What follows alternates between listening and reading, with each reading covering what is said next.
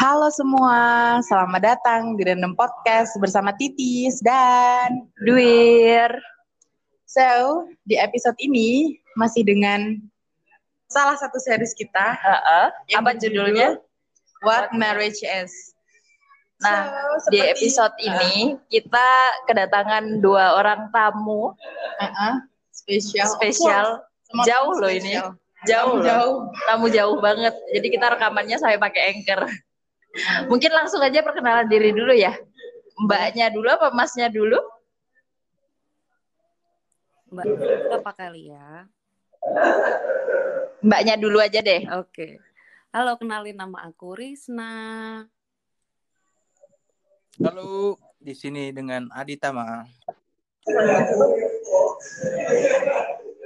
Mbak, Ya. perkenalannya boleh ditambahin nggak? Oke. Aktivitasnya Oke. sekarang, statusnya mungkin Oke, oke. kalau boleh. Oke, oke. Oke, aku ulang lagi ya. Kenalin nama aku Risna. Aku bekerja di salah satu bank BUMN dan status aku masih single. Oke. Single, Mbak. Single. Apa perlu tahu umur aku berapa gitu? Eh, boleh sih kalau Boleh kalau kalau Mbak mau mau. di share. Karena orang banyak salah persepsi dengan umur aku gitu loh ya.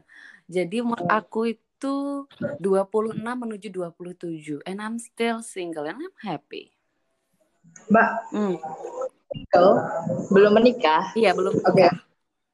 But uh, you have someone or But you Uh, already- for right now yes I have. Oke. Jadi in relation ya. Ya, oke. In relation belum marriage. belum menikah. Oke. Terus Mas Lanjut ke Opa. Oke, perkenalkan dulu ya nama nama aku Adit. Eh, umur sekian ya. umur udah 20 29 menuju 30. Eh, and I'm single and very happy. Oke. mm. ini uh, bintang tamu kita happy semua ya. positive positive vibes. Oke, kita mau kenalan nggak? Tis? Nggak usah lah ya. Nggak usah. Oh, kenalan dulu kamu aja. Karena ini kan nggak tingkat aku semua. Oh iya, Mbak Mas. Tapi aku kalau barista kan udah Iya, kenal ya kenal. sebelumnya. Mas Adit aku sebelumnya belum kenal. Eh, perkenalkan Mas, Mbak juga deh. Nama aku Dwi. Terus aku temen Titis dari SMA. Terus apa lagi yang perlu aku kenalin? Udah gitu doang. Gak penting ya. gitu sih Mas. Jadi ini podcast kita berdua, makanya kemarin Titis bilang ada yang mau join-join nih. Kita mah oke aja kalau jadwalnya cocok. Jadwalnya cocok. Bukan Super sibuk ya. jadi- enggak, karena kondisinya kita sekarang lagi di beda kota. Kalau di Kediri aja kayaknya kayaknya oke terus kita. Oke, salam kenal ya Dwi. iya, Mas. Ya, lanjut nih. Oke, jadi Langsung. pembahasan kita hari ini mungkin sebelumnya yang pernah dengerin series What Marriage Is 1 sampai berapa? Empat. 4? Oke. Nah, jadi di episode kali ini kita juga pengen tahu nih perspektifnya Mbak Risna, Mas Adit tentang apa sih pernikahan kalau menurut Mbak sama Mas gitu. Oke. Itu dulu deh. Kita mulai dari definisi atau apa sih yang kalian pahami tentang menikah? Oke. Risna dulu deh, ladies first Oke, guys. Oke, ladies first lah ya. Oke. Oke, ayo Mbak Risna. Menurut aku sendiri ya, menikah itu adalah komitmen. Dan dalam berkomitmen itu menurut aku dalam sebuah pernikahan yang dibutuhkan itu adalah kepercayaan dan juga komunikasi. Ketika kita belum bisa untuk memahami eh eh, apa tuh namanya?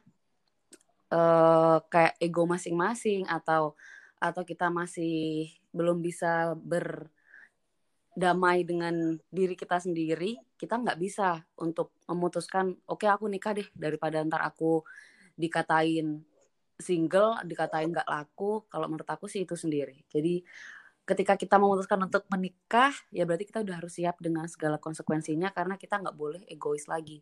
Kita harus mau nggak mau menerima kekurangan dan kelebihan. Kalau kelebihan udah pasti diterima lah ya, karena kita itu nikah sama orang yang pasti kita suka tapi ketika kita tahu kekurangannya apakah kita bisa menerimanya nah itu sih poinnya di situ ketika kita udah bisa menerima dan komunikasi kita baik bisa membicarakan semuanya barulah pernikahan itu bisa dilakukan dengan baik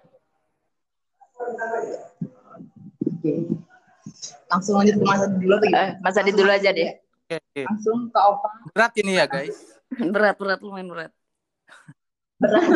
jangan jangan Mas, jangan berat-berat Mas. Ah, jangan berat-berat gelak, biar aku aja yang berat. cukup berat badan kita aja ya Kalau menurutku pernikahan itu ketika kita tuh udah udah ketemu sama soulmate kita ya. Jadi kita udah sama soulmate kita dan otomatis semuanya tuh udah range kayak komitmen terus habis itu visi misi dan sebagainya tuh udah aku yakin udah udah udah udah bakal kebentuk gitu. Ketika kita udah ketemu someone yang bener-bener yang yang tercipta buat kita gitu ya. Itu eh, ak- kalau kalau aku definisi sebuah pernikahan karena eh, pertama gitu kalau misal kita menjalani satu hubungan yang kurang jelas atau kurang ketemu visi misinya terus kita memaksakan untuk bersama gitu kan itu kan nggak akan nggak akan jadi pernikahan gitu Yep. jadi sesimpel definisi ketika kita udah ketemu sama soulmate kita dan kita ready untuk berkomitmen Oke. Nah, eh, gimana sih Mas dan Mbak pertimbangan apa aja sih Mbak yang akhirnya eh, oke deh aku akan nikah deh. Eh, eh. Tapi aku tadi menarik ada masing-masing satu poin yang aku dengerin dari Mbak Risna sama Mas Adit. Kalau Mbak Risna aku penasaran di poin nggak egoisnya lagi itu kayak gimana gitu loh. Karena kan mungkin tiap orang agak susah gitu loh mengatur egois. ya. iya egonya dia. Itu yang pertama. Terus yang kedua kalau Mas Adit, aku penasaran definisi enggak definisi soulmate karena karena soulmate gimana Mbak? kenapa Tadi aku yang pertama tanya Oh, eh, eh, masalah di Mbak Oke. Risma itu yang statementnya Mbak Risma kan harus eh, bisa ngatur ego masing-masing Iya. ya. Nah, mungkin bisa dispesifikan gitu Mbak. Maksudnya kan mungkin tiap orang ego kan Hmm. macam-macam dan gimana sih kalau menurut Mbak cara kita benar-benar paham bahwa kita itu udah nggak nggak saling egois gitu. Atau bisa eh, kalau Mbak mau share Oke. pengalaman, jadi gimana Mbak meredam ego Mbak sendiri ke pasangan dan apa ya? Sebaliknya. Begitupun sebaliknya ketika pasangan lagi puncaknya nih, gimana Mbak Disna untuk eh, ngeredem Oke. gitu ya? aku coba ya, jelasin ya. Jadi kenapa aku mengangkat poin ego? Karena menurut aku semua orang tuh pasti punya ego masing-masing dan karakter yang berbeda-beda. Dan apalagi kalau kita tipikalnya yang batu ya, karena aku tipikal orang yang batu juga, pasti kita akan sangat mengedepankan ego kita. Nah, tapi ketika kita udah berani untuk berkomitmen sama satu orang, ngejalanin itu dengan serius, mau nggak mau kita harus ngeredam ego kita dengan contoh semuanya nih kayak aku sama pasangan aku sekarang karena kita juga beda kota lagi LDR mau nggak mau pasti akan ada konflik lah ya kalau kita lagi jarang komunikasi atau apa. Nah di situ kita harus paham eh, kesibukan kita masing-masing seperti apa. Dan ketika ada masalah dibicarakan. Jangan pernah ditahan. Nah dari situ dari kita bisa membicarakannya kita akan tahu tuh eh, ketika kita punya sesuatu yang unek-uneknya yang parah gitu kita mau ngeluarin dan dibicarain. Ketika itu ketemu sisi eh, sisi tengahnya akan jauh lebih bagus gitu dan kalaupun di situ kita marah at least pasangan kita tahu kita marah karena hal apa dan seberapa bisa eh, pasangan kita menerima satu sama lain eh, dengan konflik yang ada nah jadi ego di sini juga eh, ada hubungannya sama yang namanya menerima. Jadi ketika eh, kita berkomitmen dengan seseorang, kita juga harus bisa menerima keadaan dia bagaimanapun gitu loh. Jadi kalau ego sendiri eh, gimana caranya kita tahu eh, kita menempatkan ego kita dengan benar. Di mana kita tahu masalahnya, oh ini masalah yang kita perlu bahas deh. Oh ini masalah yang kayaknya kita bisa nyantai aja gitu. Jadi nggak perlu semuanya itu dipermasalahkan atau dinyolotin atau apalagi kita kalau dalam kondisi yang berjauhan, nggak mungkin kita eh, mau apa tuh namanya kayak curiga terus ya sama pasangan gitu loh. Sedangkan kita harus percaya kalau yang kita udah memutuskan untuk mempunyai satu sama orang lain. Gitu sih mungkin. Makanya ya tadi Mbak juga nyebutin komunikasi itu juga benar. penting banget. Karena akhirnya kan saling Betul. terbuka ya Mbak ya kalau masalah Mm-mm. isi masing-masing. Oke, Mas Adi tadi yang mau ditanyain dulu soal statement Mbak Risna. Mungkin ada yang bikin penasaran. Enggak sih, enggak enggak penasaran kalau Risna itu udah udah ketebak dia tuh. Risna image-nya Oh, udah tuh. Kamu- Dia udah udah merasakan semua jenis relationship dan dia udah udah, udah ready to mingle sebenarnya gitu. Jadi tinggal nunggu momen aja loh Risna. Oh gitu. ya. Mungkin sih. Eh, BTW ini kalian satu organisasi atau Iya. gimana sebelumnya? Kita berada di organisasi yang sama dan Mas Adit ini kakak tingkat aku. Oke, oke, oke, oke, oke, Mbak. Aku aku cukup sih sama aja apa statement Mbak soal ego. Nah, aku yang penasaran yang kedua itu soulmate menurut Mas Adit karena kata Mas Adit tadi yang penting kita ketemu dulu sama soulmate. Soulmate versi Mas Iya, Adit ini kayak benar-benar. gimana, Mas? Iya, kan, kan macam-macam ya sebenarnya soulmate itu. Jadi ada uh, Ah. buat best friend, ada yang benar-benar buat relationship dan sebagainya. Kalau di di apa di konteks pernikahan itu ya otomatis ya uh, apa namanya soulmate kita ya ya yang yang untuk nikah ya, maksudnya kayak gitu ya. Jadi kalau soulmate itu menurutku ya ya definisinya segampang belahan jiwa gitu pasangan yang paling cocok atau yang yang saling melengkapi gitu. Karena ada juga yang apa namanya selain soulmate aku tuh tahu istilah twin flame kita nah twin flame itu kayak refleksi kita kita tuh ngaca gitu jadi ketika kita ketemu sama twin flame itu kita tuh banyak banget kecocokan di antara dua orang ini di antara dua pribadi individu ini ya jadi eh, macam-macam sebenarnya hubungan itu. Tapi kalau misal dalam konteks perjodohan itu soulmate itu adalah orang yang bisa menerima kekurangan kita dalam konteks saling melengkapi gitu. Hmm. Jadi kalau udah udah saling ngerti, saling melengkapi, saling ngisi, itu otomatis at least ya kita akan ada usaha untuk selalu memahami, selalu evaluasi. Karena Hmm. dalam hubungan penting itu kan eh, hal-hal yang kayak gitu ya. Iya betul. Berat, Ge. Titis atau Mbak nih mau menanggapi? Apa, Nak? Eh, menarik sama yang namanya apa tuh tadi? Tadi Mas bilang yang masalah em, bukan bukan Twin yang flame. habisnya twin flame tadi yang masalah men- menerima kekurangan dan kelebihan pasangan terus apa tuh? melengkapi, Melengkapi. eh, eh, evaluasi evaluasi aku lebih suka di eh, apa tuh kalimat evaluasi karena eh, pengalaman aku sendiri sama pasangan aku aku sel- selalu kayak seminggu sekali tuh ngadain evaluasi. Kita tuh apa aja yang kita lakuin selama seminggu ini komunikasi kita gimana apa masalahnya ada masalah yang perlu kita bahas enggak ada yang dipendem enggak satu sama lain. Jadi biar kita tahu kondisi pasangan kita tuh seperti apa sekarang kayak gitu. Itu mungkin karena case-nya aku LDR ya jadi komunikasi kita harus lebih seringnya itu di ke evaluasi sih kalau aku seminggu sekali kayak gitu kadang Even tiap hari komunikasi, tetap tiap minggunya ada evaluasi karena ya Mbak? emang aku sama pasangan aku bukan tipikal orang yang setiap hari komunikasi intens gitu enggak kita mungkin cuma komunikasi yang emang kita butuh lagi berkabar atau eh, mengingatkan aja udah ibadah atau belum atau yang kayak gitulah yang kita nggak yang intens setiap hari harus chattingan nanyain udah makan belum? Lagi ngapain? Atau apa yang kadang kalau terlalu banyak karena aku kalau banyak chat aku bingung mau bahas apa lagi gitu loh. Akhirnya uh-uh, Bingung Ntar Mbak mau ngobrol apa lagi ya? jadi bingung kan mau ngobrol apa lagi karena nggak ada yang dibahas gitu. Dan untungnya kita berdua emang tipikal orang yang nggak into banget gitu loh kalau chattingan tuh. Jadi emang ketika ada yang perlu dibicarakan kita ngobrol kayak gitu Oke, oke. Ada gitu.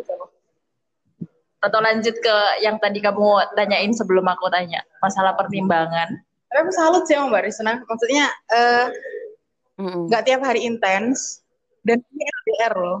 Jadi kan eh, emang iya udah percaya gitu loh coy. Iya. ngobrol tiap hari aja nggak nggak tentu akan membangun kepercayaan uh, membangun itu. kepercayaan Iya. segitunya gitu loh mbak. Iya. Oke, Oke lanjut. Apa tadi? pertimbangan. Oh, pertimbangan. Apa sih Mbak dan Mas? Pertimbangan Mbak dan Mas tuh nantinya akan memutuskan, oke, nikah gitu. Hmm. Ini waktunya gitu. Heeh, ini waktunya. Kalau ini orangnya. Heeh. Mau aku dulu atau Mas Adi dulu nih yang jawab nih? Mas Adi dulu gantian. kah? Gantian, gantian. Tadi kan barisnya duluan. Sekarang Mas Adi duluan.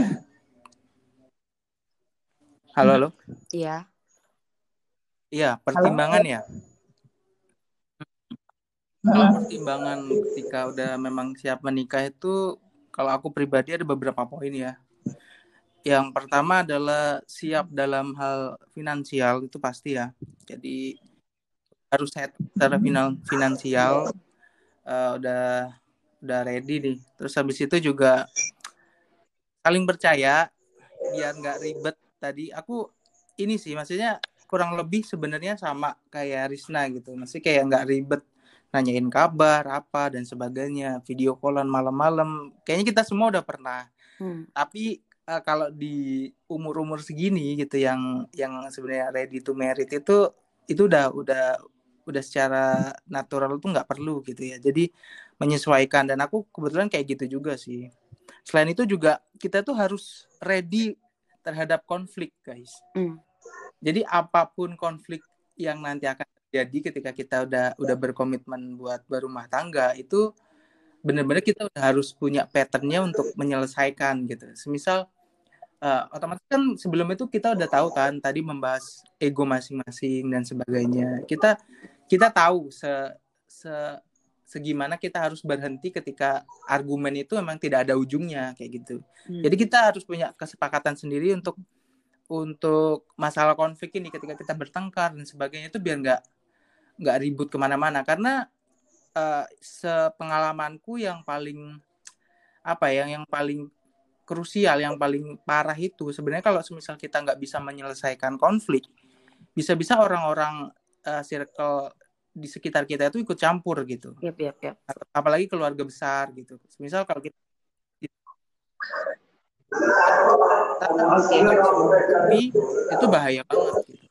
karena kalau misal hubungan kita ini diinterferensi sebegitunya sama orang lain even though itu orang tua kita gitu itu udah sangat nggak sehat dan nggak akan nggak akan lasting lama gitu itu sih poin-poin menurutku ketika kita apa namanya udah siap untuk berumah tangga pertimbangan pertimbangan hal-hal yang kayak gitu menurutku eh, harus diprioritaskan harus diselesaikan kita udah punya harus udah punya patternnya untuk menyelesaikan masalah itu sih fokusnya itu aja sih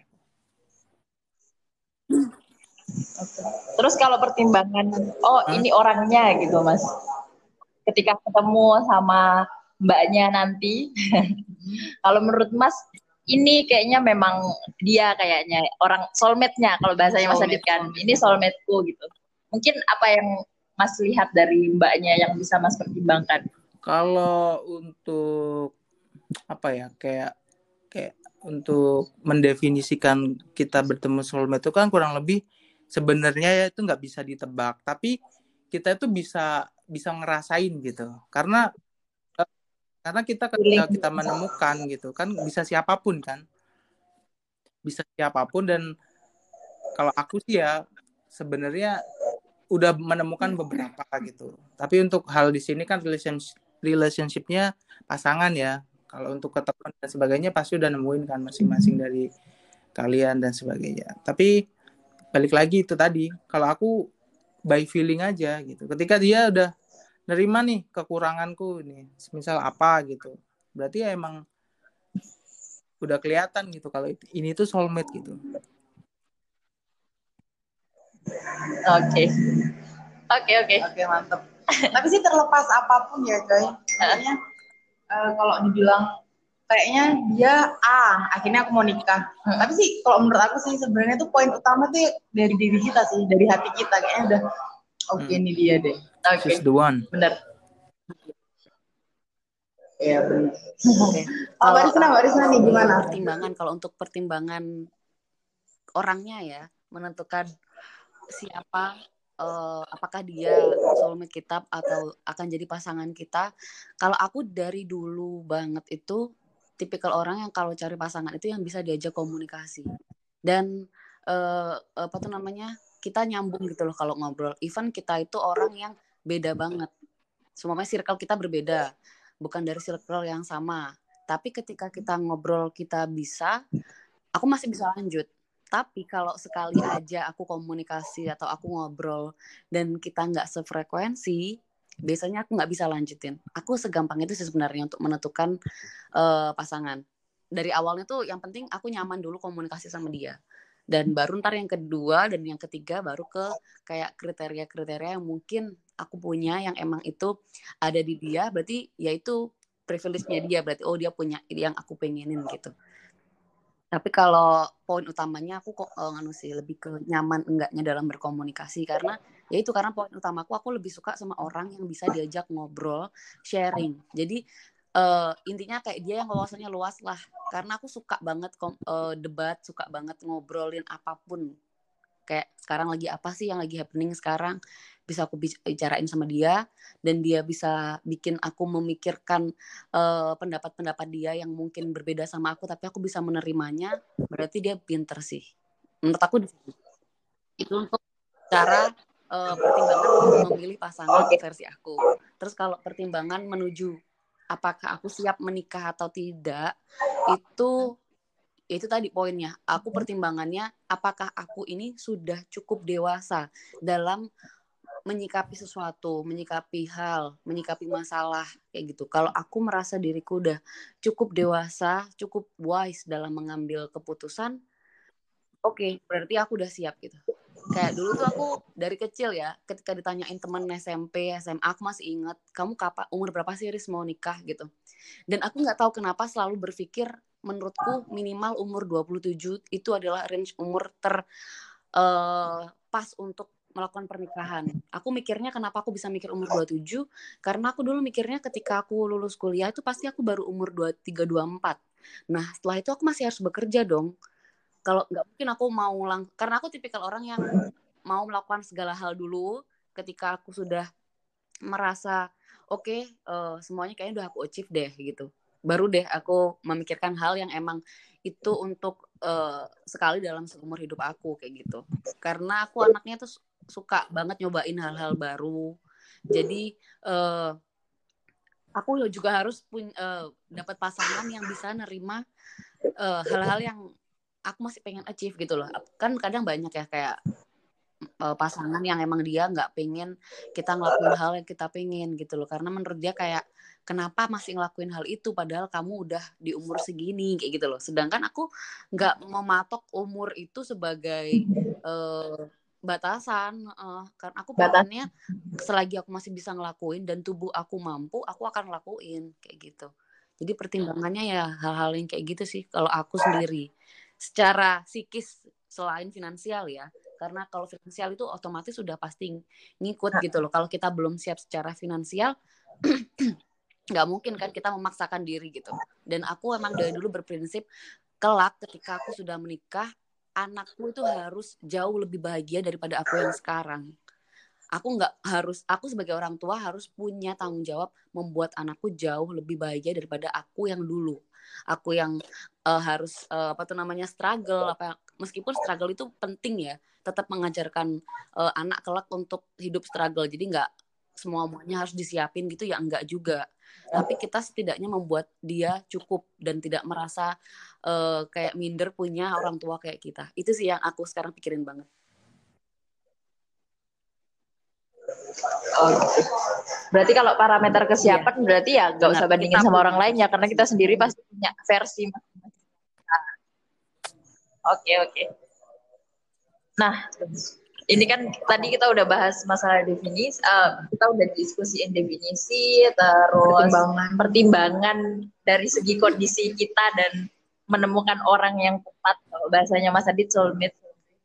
Nah, ini poin penting buat kita ketahui juga nih persiapannya, Mbak Mas. Jadi kalau menurut Mbak dan Mas, apa sih yang perlu dipersiapkan ketika kondisi udah oke, ketemu orang yang juga udah oke menurut kalian, apa sih yang harus dipersiapkan awalnya sampai akhirnya nanti menuju pernikahan itu? Kalau aku ya, aku coba jawab ya.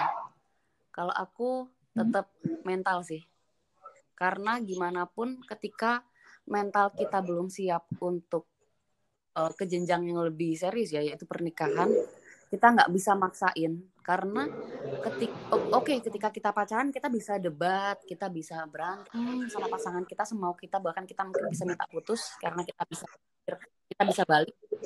Tapi kalau kita udah memutuskan menikah, kita udah nggak boleh segampang itu uh, ngajak udahan, nggak boleh segampang itu mempermasalahkan hal-hal yang seharusnya nggak perlu dipermasalahkan. Menurutku gitu sih. Uh, jadi ya itu lagi balik lagi kalau uh, ego kita tuh gimana? Gimana kita bisa deal sama ego kita? Kalau aku lebih ke situnya sih. Baru ntar kita bisa siap.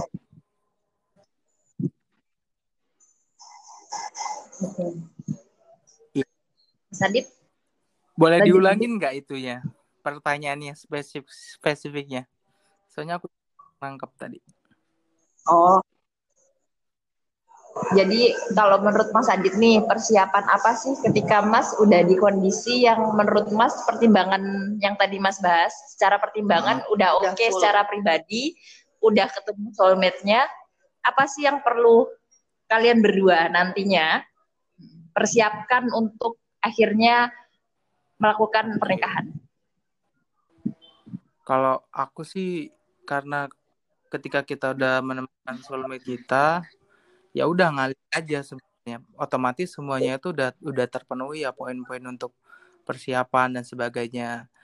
Tapi kalau misal untuk satu hal yang harus benar-benar di make sure ya itu adalah keluarga.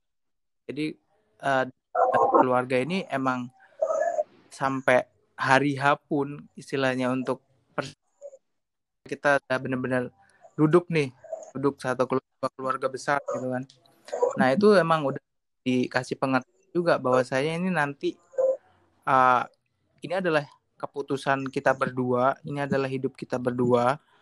Jadi harus di patenin dari situ tuh. Jadi nggak biar biar nggak uh,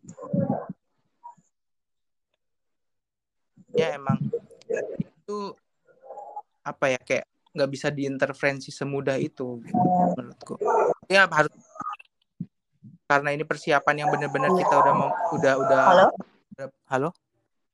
Udah berapa hari agak putus-putus.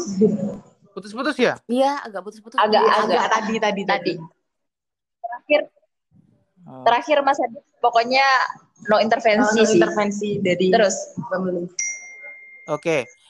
jadi kalau aku tadi poin poin itu ya jadi untuk hal keluarga tadi dua belah uh, dua pihak keluarga itu memang harus benar-benar dikasih tahu gitu. Jadi uh, na nanti ke depannya itu biar nggak Iya. Halo? ikut campur. Nggak nggak terlalu intervensi gitu. Karena sepengalamanku melihat rumah tangga teman-teman yang seusiaku itu kebanyakan itu memang masalahnya di situ kebetulan ya. Kayak masih dianggap anak kecil kayak gitu-gitu. Jadi kalau semisal ada ada update WhatsApp sedikit yang sekiranya berhubungan dengan pernikahan gitu orang tuanya langsung kalang kabut dan sebagainya. Nah, itu sih kunci-kunci hal-hal yang kayak gitu yang sebenarnya kita juga dari diri sendiri, dari pasangan kita tuh harus ada kesepakatan gitu itu pasti ada sih maksudnya kayak kita pribadi misal sering curhat sering update dan sebagainya itu pun harus ada kontrol dari masing-masing individu gitu itu aja sih lebih fokus ke situ kalau kita udah nemuin soulmate tinggal proses itu aja yang harus benar-benar diberesin Kalau Mas Adit lebih ke preventif ya. Jadi ya. sebelum itu terjadi mending dikomunikasiin dulu karena kan keluarganya masing-masing hmm. kita kan punya keluarga di belakang kita nih yang mungkin mereka punya tujuan atau uh, yang latar belakangnya jelas beda, ya. beda ya. Jadi ketika memutuskan sesuatu, ngelakuin sesuatu juga punya pertimbangan yang beda-beda. Oke. Okay. Nah, aku ada pertanyaan tambahan. Hmm. Sebenarnya pertanyaan list pertanyaan kita itu aja sih Mbak Mas. Aku tiba-tiba kepikiran pengen nanyain pernikahan harapan Mbak dan Mas itu pernikahan kehidupan pernikahan menurut Mbak dan Mas yang Mbak harapkan itu kayak gimana? Belibet ya pertanyaanku. Maksudnya bisa Enggak, enggak, diterima. enggak. oh gampang. Kalau aku kehidupan Aku pernikahan banget. aku, eh, aku berharap itu punya kehidupan pernikahan yang mandiri. Ya benar tadi kata Mas Adit juga bahwa eh, kita bisa dan harus bisa mengkomunikasikan itu dengan baik dengan pasangan kita tanpa harus ada intervensi dari keluarga. Karena eh, kita tahu lah ya kita nggak nggak bisa menutupi kemungkinan bahwa pasti keluarga akan ikut andil. Karena kita menikah bukan sama satu orang tapi satu keluarga ibaratnya kan ya. Gimana caranya kita bisa dan gini eh, intinya kalau kita ada masalah sebisa mungkin kita selesaikan dulu secara pribadi sama pasangan kita. Kita komunikasikan dulu ketika udah bisa dan udah tahu solusinya jauh lebih baik. Tapi ketika kita nggak tahu solusinya baru alangkah lebih baiknya kita tanya sama eh, satu atau dua orang yang emang kita percaya dia bisa ngebantu kita gitu loh. Bukan malah nambah-nambahin atau ngompor-ngomporin masalah yang kita punya. Karena kalau kita salah cerita ke orang yang ada masalahnya bukan selesai yang ada tambah gede. Kayak gitu sih. Kalau aku. Jadi aku lebih berharap ke sebuah apa tuh pernikahan yang mandiri kalau aku. Jadi bukan egois karena nggak pengen eh, di apa tuh dipengaruhi sama keluarga ya. Tapi biar kita juga jauh lebih dewasa juga ketika kita udah bisa menyelesaikan permasalahan yang ada dengan pasangan kita sendiri. Amin amin amin karena aku Semoga tuh tercapai ya Mbak. Amin. males di Sumpah di ikut campurin gitu loh karena nggak mungkin nggak mungkin selesai masalahnya Hmm, bener. benar Karena Orang yang ngerti kondisinya dari kan. Mbak dan Mas. mungkin mereka kira ah mungkin yang salah yang ini nih gitu padahal yang ngejalanin belum tentu bukan salahnya juga sih gitu Jadi tuh aku jadi ingat sama ini loh, seliweran kan di Instagram Apa? ah, quote-nya betul. Nabi Nagita Slavina itu kalau Oh, tahu. ada ada berantem nih sama suaminya jadi tuh Iya, Nagita iya, tuh betul-betul. Aku curhatnya tuh ke denger mamahnya si Raffi karena kan emang Mm-mm, dari bener. kecil udah apa Oh, ya, ya, gimana ya nama mamahnya ya kan Aku jadi ingat satu gitu. problem yang pernah aku alamin sama pasangan aku sebelum-sebelumnya. Banyak Jadi- ya sebelum-sebelumnya. Iya kan saya udah umur segini, jadi pasti pernah beberapa kali lah ya. Oke. Jadi case-nya itu bener. Apa kata Na- eh, Nagita tuh bener banget cara penyelesaiannya. Karena pada pada intinya mana ada orang tua yang mau anaknya disalah-salahin. Gak mungkin ada kan? Jadi ketika kita punya masalah sama pasangan kita nih, terus kita curhat sama mama kita sendiri nih.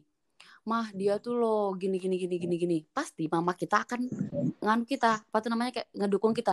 Iya dia pasti salah, ntar yang ada malah ribet. Tapi ketika kita ngomongnya sama orang yang melahirkan dan otomatis kita akan share kan menurut mamanya dia tuh sebenarnya tipikal eh orangnya seperti apa sih nah versi kita yang udah ngalamin bareng hidup sama dia itu dia seperti apa kita komunikasikan aja sama orang tuanya pasti orang tuanya juga tahu gimana cara menyelesaikan anaknya ketika anaknya moodnya lagi kayak gitu atau ketika lagi ada masalah yang kayak gitu. Menurut aku sih kayak gitu sih. Karena emang nggak mungkin ada orang tua yang mau anaknya dijelek-jelekin. Iya sih.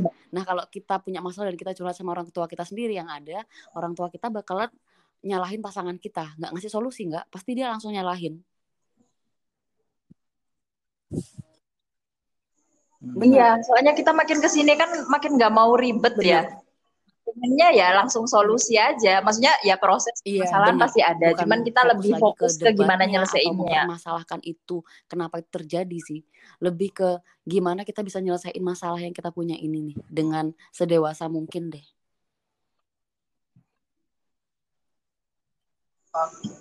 Mas Adit mau nambahin? gimana tadi mas Adit belum ya Belum. Iya. Kalau aku pribadi untuk eh, kehidupan pernikahan idaman ya, yang sama sih sebenarnya nggak ribet. Iya. Halo. Nah, iya. yang yang aku pengenin itu ya yang nggak ribet yang kalau ada masalah itu bisa diselesaikan terus nggak ada intervensi Hmm. ya kita nggak bisa menghindari masalah sebenarnya ya itu pasti akan terjadi. Kayak pernikahan yang stabil pun itu kayak kayak mitos sebenarnya. Kan pasti Hmm. namanya hubungan apalagi kita berharapnya seumur hidup kan. Nah apalagi kita berharapnya semu- seumur hidup ini aja masih dalam konteks relationship ya.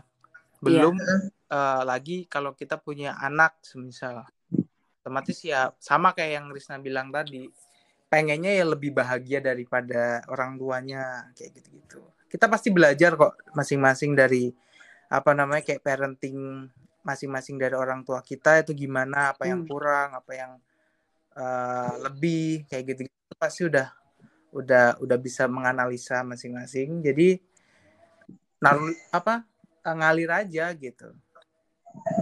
Aku nggak lebih ngalir aja. Ada apa-apa eh, ada apa ya dihadapin gitu diomongin. Kalau Hmm. misal nggak bisa diomongin ya berarti kita butuh break gitu kan kita butuh break. Itu pun normal gitu menurutku. Jadi ketika udah memang bener-bener debat kusir nih ya nggak ketemu dan sebagainya ya Kasihan. udah.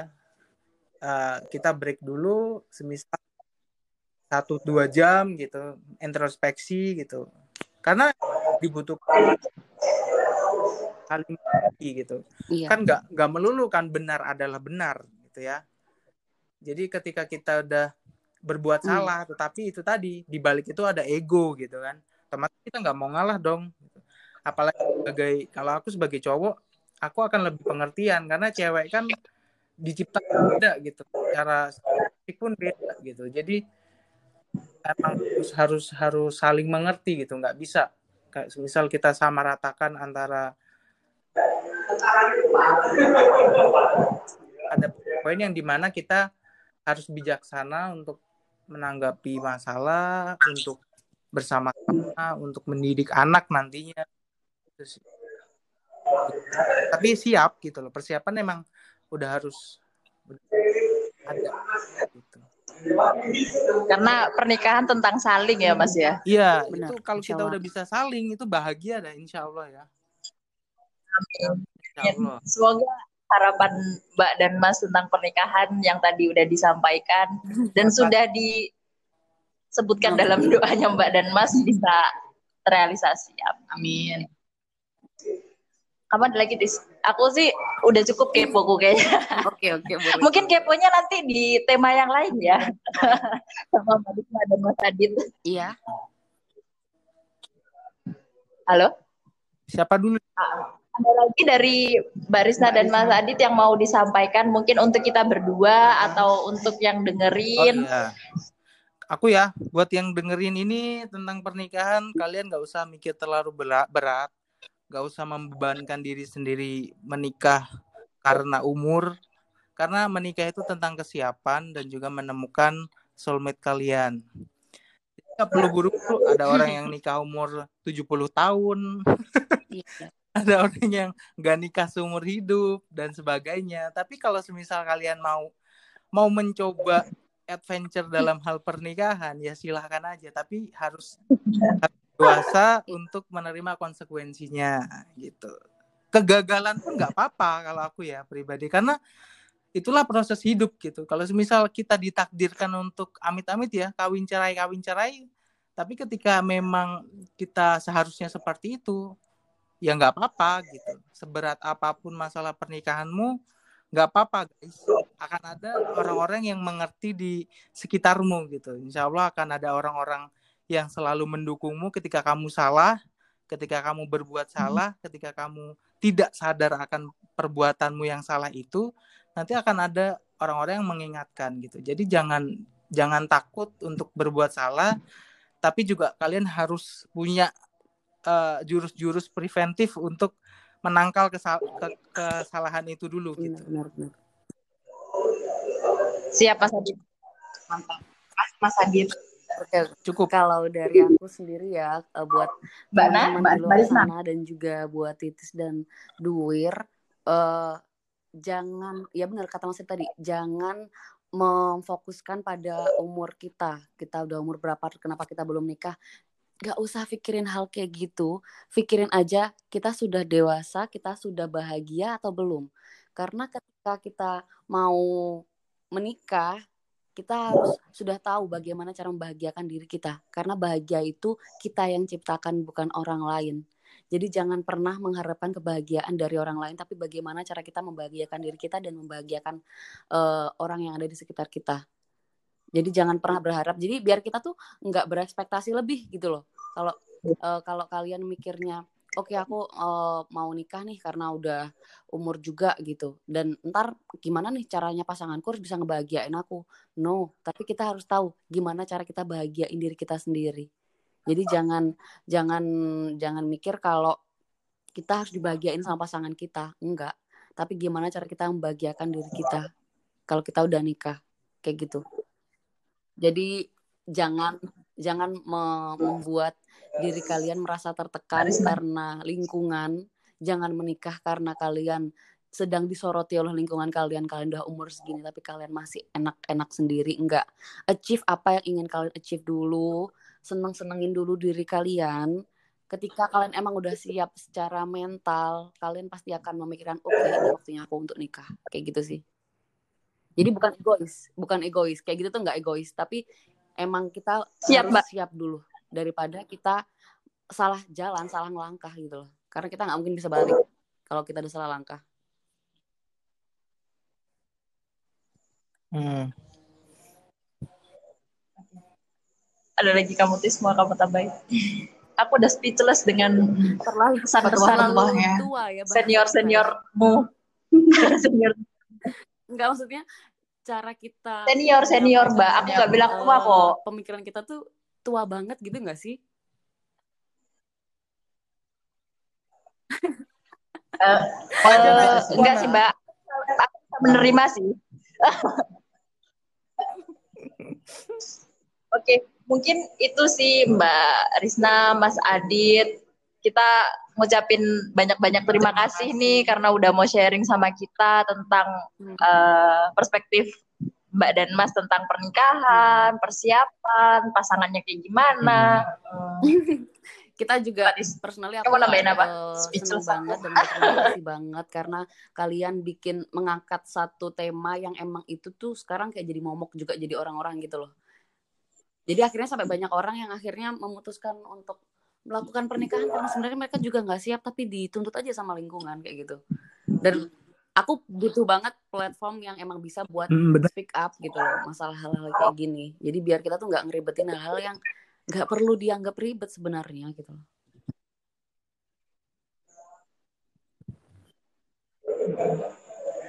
Mas Adit tadi kayak mau nambahin. Hmm, ini buat buat pendengar mm. podcastnya tidur ini ya titis dan dek ya. Buat kalian terutama yang cowok-cowok, uh, tolong ini di-share juga tentang perspektif pernikahan hmm. ini sama teman-teman kalian juga yang cowok gitu ya. Jadi kebanyakan emang hal-hal kayak gini itu jarang di apa ya, jarang dibicarain gitu sama cowok-cowok gitu. Cowok-cowok taunya ya enak-enaknya doang gitu, guys. Jadi pernikahan bukan bukan semata-mata tempat cowok-cowok untuk bebas enak-enak secara halal gitu ya. Jadi ada hal-hal yang memang harus diperhatikan yang mendalam gitu, gak cuma kalian menjadi cewek ini objek kalian, tapi ke depannya emang kalian harus bertanggung jawab, kalian niatnya untuk berumah tangga ya jangan jangan seegois itu gitu. Jadi pesanku ya itu tadi sih buat cowok-cowok tolong ini di share ya biar biar sudut pandang kalian sedikit tercerahkan nih jadi gak kur gitu. Mau nikah sekedar nikah apalagi nambah istri gitu apalagi cuma nikah siri gitu. Kita gitu wawasannya gitu. Karena aku pribadi juga gitu. Aku nemuin pengen nemuin soulmate dulu nih gitu. Dan kesiapan secara mental dan juga finansial gitu.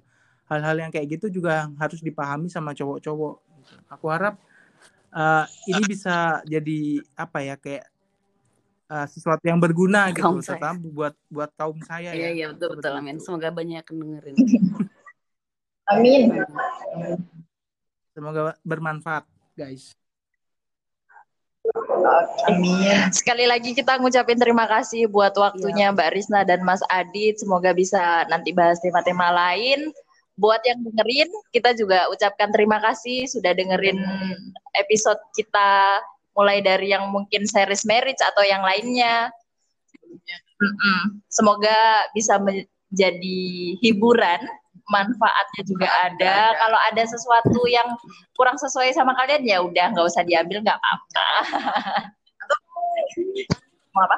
Mau diskusi juga. Oh boleh, boleh, boleh. Tinggal nanti kontak salah satu dari kita aja. Terima kasih. Oke, mungkin itu sih. Terima kasih semuanya Risna dan yang dengan have a nice day guys. Luangkan waktunya dulu. Thank you so much. Bye bye. Terus, yes. Oke, terima kasih Dadah. semuanya. Sampai Bye. ketemu. Episode selanjutnya. Dadah. Dadah. Mm. Adit.